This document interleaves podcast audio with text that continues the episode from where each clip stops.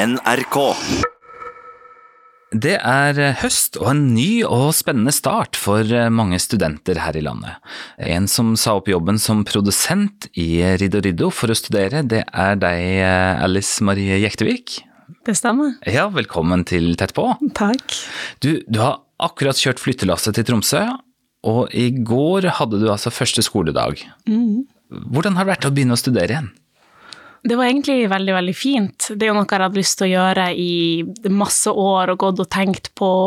Jeg tar jo et årsstudium i samisk som fremmedspråk, og hvis jeg skulle gjøre det, så måtte jeg gjøre det ordentlig. Jeg tror ikke det holder å ta deltidskveldskurs for meg. Jeg må liksom ha det inn i med teskje, gjerne hver dag, Ja. og det får jeg jo nå, så det er veldig fint. Jeg har veldig mye venner i byen og, og mange å øve og prate samisk med. Ja. Det å si opp en trygg og interessant jobb for å studere samisk, det er jo et heftig valg, da. Hva var det som drev deg til å ta det valget? Eh, Gjennom eh, jobben min så har jeg jo eh, vært i veldig mange situasjoner hvor det hadde vært en enorm fordel for meg å, snakke samisk, og det er også jeg har også fått ganske mange forespørsler om å gjøre oppdrag eh, for andre som ikke vet at jeg ikke snakker samisk. Ja. Eh, Og så er det jo et sånn indre ønske om å liksom ta tilbake det her språket som har vært hjemmespråk i familien min, men som, som har forsvunnet de to-tre siste generasjonene. Så det er en god miks av forskjellige ting Ja. eh, som ender opp i en stor motivasjon. ja, nettopp. Det er jo mange som har valgt å studere i høst pga. situasjonen med korona. Hvordan er det på, på studiet ditt? Er det mange som studerer samisk nå? Det er ganske mange. Eh, Jeg tror det er i underkant av eh, 40 stykker. Eh, Og det er mer eh, enn det jeg tror det har vært tidligere. Så det er jo kjempepositivt. Og det betyr jo også at jeg har 40 andre stykker å prøve og feile og snakke gebrokkent med. Ja, nå har du en trygg havn nå et års tid. Absolutt. Hvor godt tror du du kommer til å snakke etter det året her, da? Si det. Jeg er jo veldig heldig som har en, en samboer som har samisk som førstespråk, så jeg får jo på en måte øvd mye med han hjemme også. Så det går egentlig bare på meg sjøl hvor flink jeg er til å tørre å snakke, og hvor mye jeg sitter og pugger gloser. Ja. Bruksområdene er jo kjempestor. Eh, Så nummer én, det er jo et utrydningstrua språk som alle burde være med på å bevare. Eh, Og nummer to, at det ikke er liksom et obligatorisk At det ikke går an å velge samisk som et, et språk på skolen for alle vanlige elever som går her, er jo kjemperart. Og så er det jo masse jobbmuligheter hvis du kan samisk. Du kan jobbe hvor som helst. Ja. Det, det går an å bruke seg så mye rart. ja. Har du fått noe jobbtilbud nå, da? Ja, det har jeg. Eh, Men jeg tror at eh, for det om det er et litt sånn usikkert jobbmarked akkurat nå, så tror jeg at den merverdien det får for meg, både personlig å kunne snakke samisk, men også eh, de mulighetene det vil gi i ettertid, gjør det, det verdt å ta i hvert fall et år på å fokusere på språket og prøve å ikke jobbe så mye ved siden av, for det om jeg blir å jobbe litt. Ja. Du, Alice, du har engasjert deg på, på mange vis, og spesielt for, eh, for at ungdommene skal ha et kulturtilbud og ha møtearenaer. Eh, Kan ikke du fortelle litt, hva, hva er det du har engasjert deg i? Eh, Jeg bodde, studerte i Oslo først i tre år, tok en bachelor, eh, og så eh, meldte lysten for å ha et, en arena, eller liksom se samiske konserter, kunne kle på seg kofta og på en måte gå ut og møte andre som var som meg. For jeg bodde sammen med tre stykker som kom fra Kautokeino, mm. og det var kjempekoselig. Men de var jo på en helt annen plass enn, en det jeg var. Jeg hadde kanskje ikke helt plassert meg sjøl i liksom, det samiske samfunnslivet og visste ikke helt hvor jeg hørte til henne, så jeg ville finne flere som var som meg. Så starta vi et samisk klubbkonsept i Oslo som heter Idja, Sami Club Night, som fortsatt eksisterer, som er veldig kult. Eh, og ble eh, engasjert i den samiske ungdomsorganisasjonen NOR, som betyr ung. Eh, og siden da har det liksom balla litt på seg, så vi har arrangert forskjellige ting. Sápmi Pride i Kautokeino. Og så gikk liksom veien videre dit, da, til Riddo Riddo. Mm. Så var det et tilbud som ikke eksisterte i Oslo, eller? Nei, det var ingenting. Eller det, det var på en måte sånn samisk kafé for voksne mennesker. Ja. Og det er ikke helt det du har lyst til å, å gjøre lørdag formiddag når du er 23, 24, 25. Nei. Hvordan funka det i praksis da? Ble det brukt? Ja, absolutt. Eh, det er veldig artig. Den første konserten vi hadde, var med Ailo Valle, og jeg tror det var på 5. eller 6. februar. Og 6. februar er jo samenes nasjonaldag. Og da tror jeg det var liksom 200 stykker der, eller noe sånt. Det var kjempeartig fullt lokale. Og Riksscenen, stakkar, som, som, er en ganske sånn rolig konsertarena, hadde liksom ikke møtt så mange eh, ungdom som var klar til fest før. Mm. Så da måtte de ha scenevakter, for plutselig så hoppa det noen opp på scenen, og det var vel en del vasking de måtte gjøre etterpå, som de kanskje ikke trenger å gjøre vanligvis. Eh, men det var en veldig god opplevelse, og de har jo fortsatt med konseptet, mm. og husekonseptet hos seg. Ja. Så all ære til dem. Ja, ja, ja det har vel gått litt sånn opp og ned, for majoriteten av unge samer i Oslo er jo studenter. Mm. Så liksom de her eksamensmånedene dukker det nok ikke så veldig mange opp. Men eh, jeg tror de er glad for å ha en, en samlingsarena, og det å kunne ha et samisk julebord i, i Oslo, eller på en måte kickstarte eh, semesteret hvis du er student der, og, og ha den, den plassen. Ja. Hvorfor har du engasjert deg i samisk samfunnsliv? Det er jo fordi at altså, jeg er samisk, og min familie er samisk, for det om eh, alle kanskje ikke har vært så bevisst eller hatt den kunnskapen eller vært så veldig flink til å vise det før.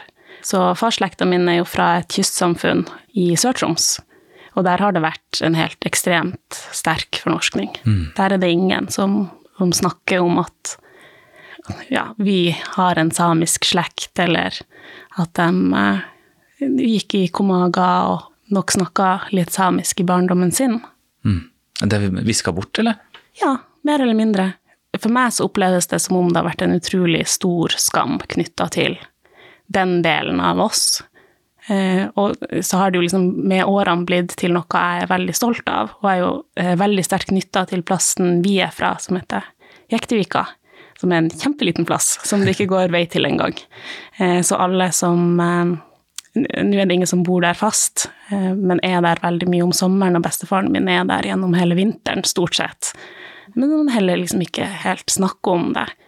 Samtidig så opplever jeg at de har begynt å synes at det er litt sånn stas at jeg har kofte på, og liksom synes at det er fint, og ja At de, det, det går liksom sakte, men sikkert mot en litt mer åpen og inkluderende verden der også, da. Ja, men da er man avhengig av at det er folk som tør å stå fram og identifisere seg som samiske og uttrykke seg på forskjellig vis. Ja, og jeg tror det er eh, sånn stort sett i veldig mange kystsamfunn i, i Nord-Norge har den historien med seg. Så kommer man jo liksom til et punkt, sånn som jeg gjorde, at du kan enten velge å si at nei, det er liksom, det er ikke oss, eller sånn har det aldri vært her, eller bare fortsette som vanlig, eller ta det til seg og, og, gå mer inn i det samiske samfunnet og lære og prøve å ta tilbake litt av den historien som er blitt borte. Hvordan fant du ut at du er same, da? Eh, ja, for jeg har jo da min, min bestefar som er fra, fra Jektvika, og så har jeg jo også en eh, farmor som er fra Nesseby. Så hun, har jeg, hun er død, hun har jeg bare møtt da jeg var liten, lite barn, eh, og har ikke hatt noe liksom, forhold til Nesseby eller til den delen av slekta overhodet. Eh, men hun var jo samisk. Og så har det liksom vært han bestefar. Eh, så hun, eh, tante fortalte meg det var i starten av 20-årene, bare i sånn bisetning, at hun ikke hadde hatt på seg kofte siden hun var barn. Og da ble det liksom veldig virkelig for meg, for hun tante er jo en veldig liksom virkelig person mm. som er nært i familien, at det er ikke så lenge siden vi har hatt noe som bare har blitt borte. Visste du noe om det før da? Nei. Det er ingen som, eh, ingen som, brukte å snakke om det, eller på en måte anså det som en del av oss overhodet. Ja. Hva tenkte du da? Jeg syns jo det var litt rart. det er det jo.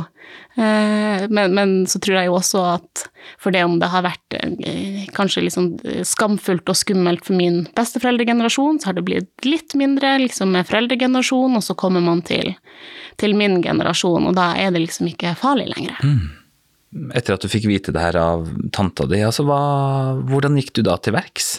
Jeg begynte jo med en del eh, intensiv slektsgranskning for å finne ut liksom akkurat hvor har det her vært henne, og når ble det borte, og det har jo vært en, en god blanding med finlendere og nordmenn og, og, samer som på en måte har levd side om side, og så har jo den samiske kulturen blitt eh, assimilert og sletta, eh, spesielt langs kysten.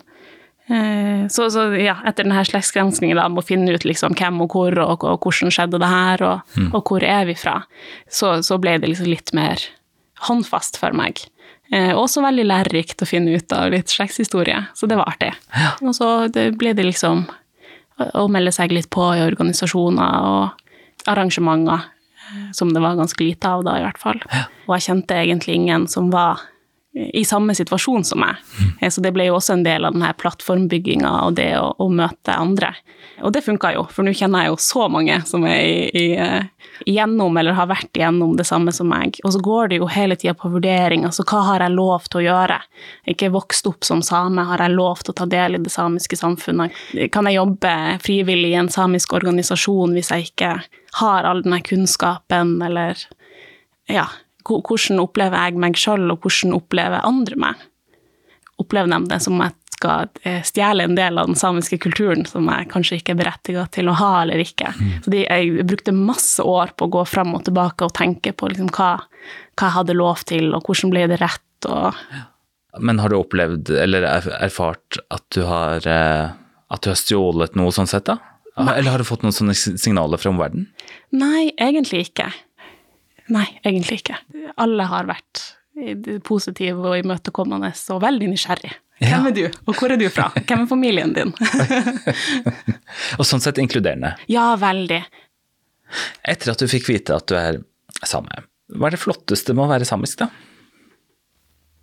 Det er jo det å kunne eh, ha en så rik og flott kultur rundt seg hele tida, og det å kjenne på den veldig sterke stedstilknytninga man ofte har i en samisk familie. Det tror jeg. Så er det jo språket som sakte, men sikkert kommer inn, som er et utrolig rikt språk. Sangteknikk, joik. Det er veldig mye. Ja. Hva tenker du om det generasjonene før deg har gått gjennom, da? Jeg tenker at det må ha vært veldig trasig. Etter hvert som han bestefar eh, har på en måte snakka mer og mer åpent, så gikk han jo på internatskole og, og ble jo du, mobba for der de var fra. Og du kunne liksom ikke dukke opp på skolen i Komaga, eksempel, så han, da hadde han fått bank. Ja. Trasig, rett og slett. Han er innforstått med at, at du snakker om det her nå, Ja. skjønner jeg. Det at du på en måte har gått gjennom den prosessen du har gjort, har det bidratt til at han har åpna seg og forsona seg med sin livslinje på et vis? Jeg tror for hans del så eh, kan han gå med på at vi har en samisk bakgrunn i historien, men han anser ikke seg sjøl som same. Sikkert fordi han er vokst opp i ei tid hvor man skulle slette det ut, og, på en måte har ikke hatt de her viktige samiske kulturmarkørene rundt seg siden han var barn. Eh, Men han syns at det er veldig stas at jeg er same. Eh, Men jeg tror også han tenker at i og med at jeg har en, en samisk bestemor fra Nesseby, så er det mer naturlig for meg enn det det er for han.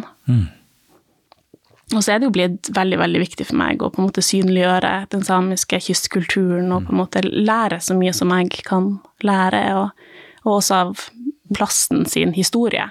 For det, det føles veldig ut som om hvis ikke jeg synliggjør det eller tar det med meg videre, så forsvinner det.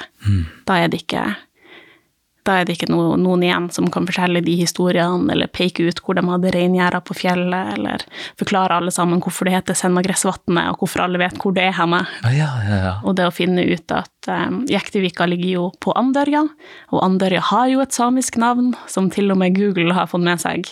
Oh. Ja, så det er Atir. Akkurat. Ja. Det er ikke veldig mange samiske navn igjen i, i området. Jeg er veldig redd for at det skal bli borte, og at den delen av familien vår skal bli viska vekk, og den delen av det stedet vi er fra, som jeg har et så nært forhold til, skal, skal bli viska vekk. For jeg opplever det som en, som en viktig del av oss, akkurat som at det er en viktig del i Nord-Norge sin historie, eh, og for så vidt også i halvparten av Sør-Norge, at, at det har vært en samisk befolkning der. Så den delen av historien, både for meg personlig og for oss som, som land, må vi jo ikke miste. En av de viktigste arenaene for å revitalisere samisk kystkultur, det er jo Riddo Riddo-festivalen, hvor du ble produsent for to år siden? Eller? Tre. Tre, ja. Riktig. Hva gjør en produsent der? Produsent gjør alt. du bestiller reiser og booker artister og eh, reiser sjøl rundt i verden for å liksom representere festivalen eller eh, sjekke ut kulturarbeidere. Og så eh, lager du hersestaur eh, og klipper gress og lager mat, og du, du gjør alt. Det er veldig allsidig. Ja, det skjønner jeg. Det er vanskelig å få alt inn i en jobbeskrivelse, skjønner jeg. Ja, ja det, det, er artig. Min kollega Sandra sa en gang i hvert fall at det var veldig rart å den ene dagen møte eh, kulturministeren, og den andre dagen så liksom eh, eh sto du og spikka hersestaur og satte dem opp og lærte deg den stolte, gamle samiske tradisjonen med å, å herse. Mm. Hva har festivalen betydd, eh, syns du, da? Enormt mye. Enormt mye for, eh, for Mandalen, for Olmaiveggi og for Kåfjord. Og veldig mye for den sjøsamiske kulturen. Det er jo blitt en kunnskapsbærer og en sånn møteplass hvor veldig mange har på seg kofte for første gang, og en, veld, en trygg plass hvor folk kan plassere seg sjøl i det samiske samfunnet. Men også en veldig fin plass å lære det er jo så mange eh, mennesker fra forskjellige urfolk, og egentlig fra hele verden, som kommer dit. Ja, det har vært utrolig lærerikt for meg. Det er jo en drømmejobb. Jeg har vært kjempeheldig. Hvorfor i alle dager kan man si opp en sånn jobb? Ja, tenk det. Jeg tror eh, produsentene i Riddo Riddo har jo ikke brukt å være der så veldig lenge. Det er jo en veldig altoppslukende jobb. Mm. Det hele livet ditt handler om eh, hele tida. Og det er utrolig artig og morsomt, og tida går så fort mens det står på. Men en eller annen gang så må man jo eh, bli sin egen person igjen. Mm. Eh, og så er det veldig viktig å gi eh, andre muligheten til å utvikle festivalen, for du sitter og bestemmer så mye. Hvilke artister som blir, får stå på scenen, og hvilke samarbeidsverk og kunstverk, og hvem som skal komme og selge ting. Så det må liksom også komme noen andre inn som tar de her avgjørelsene, så det ikke blir Alice og Sandra-festivalen, men at det, eh, at det, kommer noen nye inn sånn hvert fjerde år for å, å, ta det videre og se ting med et annet perspektiv og andre øyne. Ja. Kan du ta oss gjennom et sånn konkret prosjekt? Ja. Eh, så et av de første bestillingsverkene jeg var med å produsere, var Circumpolar Hip Hop Collab, som var Jeg, jeg tror det ble totalt åtte musikalske artister fra det sirkumpolare området og blant dem tre samiske rappere og en joiker som eh, jobba digitalt litt sånn først sammen, og så møttes de vel ei uke før festivalen for å liksom lage en, en hiphop-konsert. Okay. Som var veldig spennende, for det var ingen som helt visste hva det var vi skulle eh, ende opp med. Nei. Så hadde vi også med en strupesanger fra Nonavot. Og det var liksom mitt første med sånn eh, møte med strupesang, men også fra noen på min egen alder, som gjør det i en både tradisjonell, men også veldig moderne kontekst. Okay.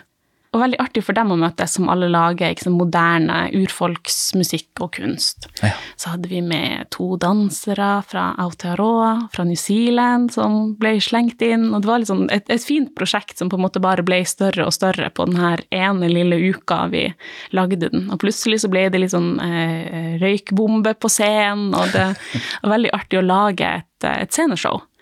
Kan vi ikke høre um, en av de sangene som ble lagd som, som, følge av samarbeidet? Ja. Eh, så det er Taga. Det er um, Ujarak Akkalo Bertelsen som har lagd beats og produsert sangen. Og så er det Hilda Lensmann, som er en av mine absolutt favorittjoikere. Hun er fra Otsioka i Finland. Og Alexia Galloway Alainga fra Nunavut.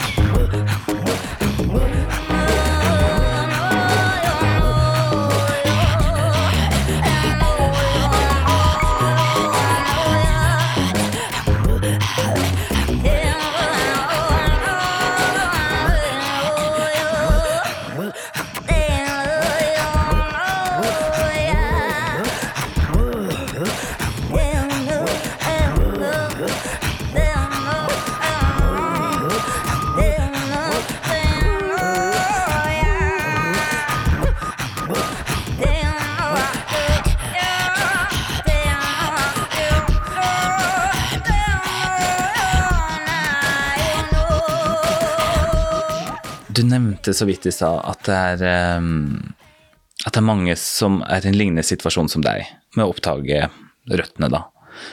Hvordan merker du det, at det er mange? Jeg, føler nesten at jeg møter dem litt sånn overalt. Og spesielt på, på samiskstudiet nå, så er det jo et rom med mange unge, og, og også mennesker som, som er, begynner å nærme seg midt i livet, som ønsker å ta tilbake det her, eller har et veldig sterkt ønske om å lære seg samisk. Og jeg tror i Tromsø så kan du møte dem på gata hvor som helst. Eh, du merker det på sosiale medier, på folk som spør om ting, eller Føler litt at de er overalt. Det er litt sånn, sånn som man ser på kofta. Det er veldig mange unge mennesker som ønsker å videreutvikle kofta og på en måte ha sin eh, personlige smak eller skallebånd i andre farger. Og så sitter gjerne noen fra generasjonen over som er veldig redd for at hvis vi gjør for mange endringer på den kofta, så er det ikke ei kofte lenger. Da er det en fantasidrakt. Så det å finne den balansen mellom å både modernisere noe, men også beholde det opprinnelige, er jo en viktig oppgave fremover, tror jeg. Og det gjelder jo både i musikk og i klesbruk og i språk også, som jo til stadighet fornorskes det er en veldig spennende debatt å ta med andre folk som mener noe annet enn deg, for de har ofte eh, litt mer innsikt, eller de ser ting fra en litt annen måte, som er veldig viktig å få fram. Mm. Jeg skulle egentlig ønske vi snakka mer om det. Ja, nettopp. På hvilke arenaer da? Nei, det er jo det at det er jo ikke så mange debattarenaer i Sápmi. Det er jo stort sett altså de festivalene som setter opp seminar og panelsamtaler, at man kan ta den. Eller så har jeg fått med meg at det er mye debatt i de samiske koftesidene på Facebook, der mm. man ivrig. Der måtte jeg melde meg ut. Det ble for mye. Oh, ja. ikke... hva, hva, hva, reagerte du på der, da? Jeg, jeg tror det blir litt sånn um, Kanskje litt for mye pekefingre. Altså du, eh, at man setter seg sjøl i en posisjon til å være dommer over hva som er rett, og hva som ikke er rett. Mm.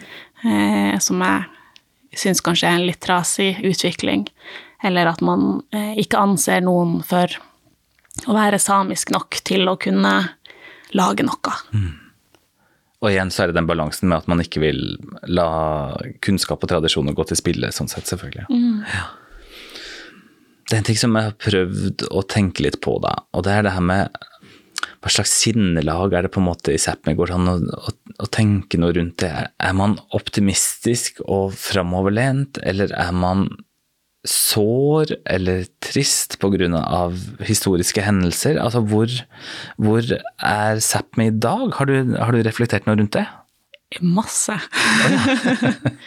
Men jeg tror eh, det man også ser f.eks. med denne joikabolledebatten, at man, man, kan ikke bare si fra, egentlig på en ganske rolig og beherska måte, og si hei, du, det her syns egentlig ikke vi er noe greit, så kan dere bare slutte med det, Nortura, mm. tusen takk.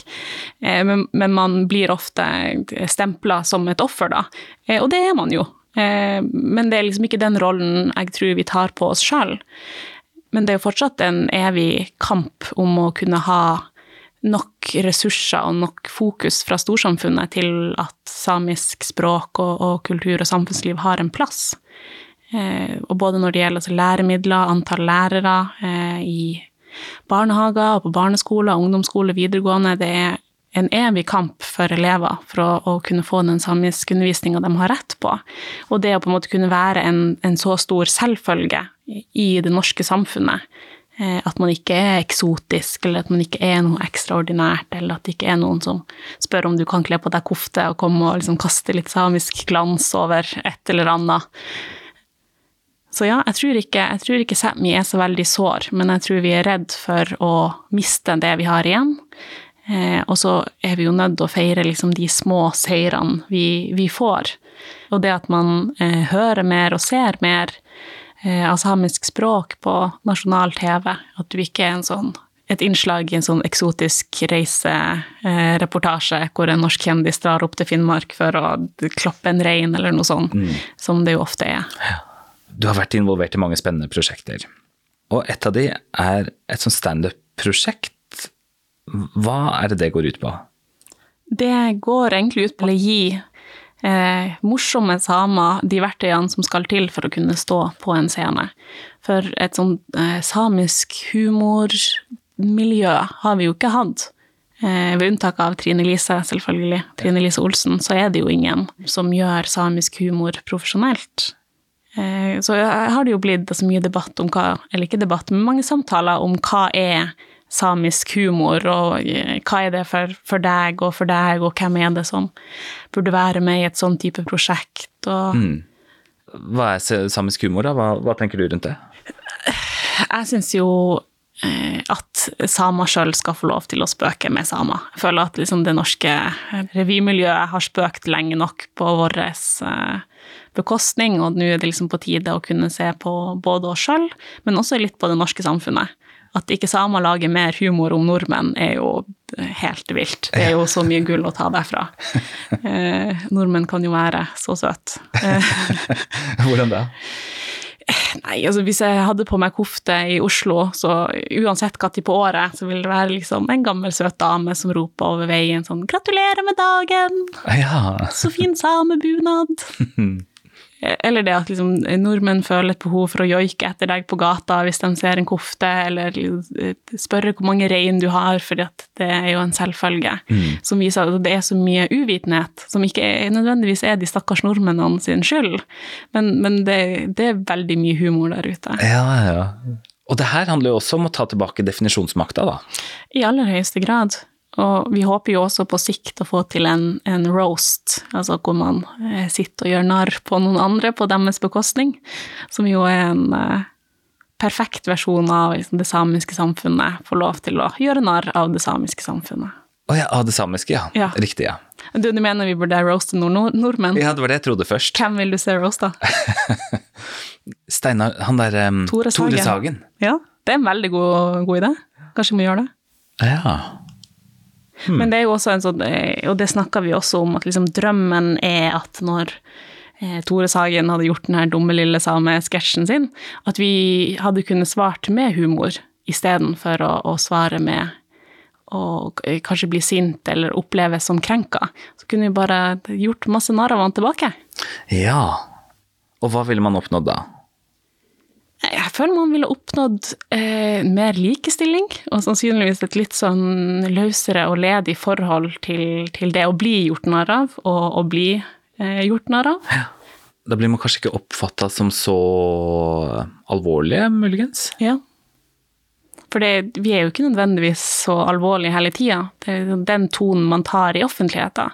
Jeg tror jo at samer er ganske forsiktige med å uttale seg i offentligheten også, og det er jo ikke rart. Jeg gleder meg litt til å sende de her eh, stakkars deltakerne rundt omkring, og så kan de prøve seg på å gjøre eh, samisk standup for et norsk publikum eh, kontra et samisk et. Det er helt sikkert en forskjell. Ja, ja. Jeg får lov, jeg får lov å prosjektlede eh, det prosjektet, som skal ha premiere på Riddo i 2021. Nettopp. Alice Marie Jektevik, tusen takk for at du var med i Tett på, og lykke til med studiet. Tusen takk. Jeg heter Svein Lian. Tett på fra NRK Sápmi er produsert av 1 til 1 Media.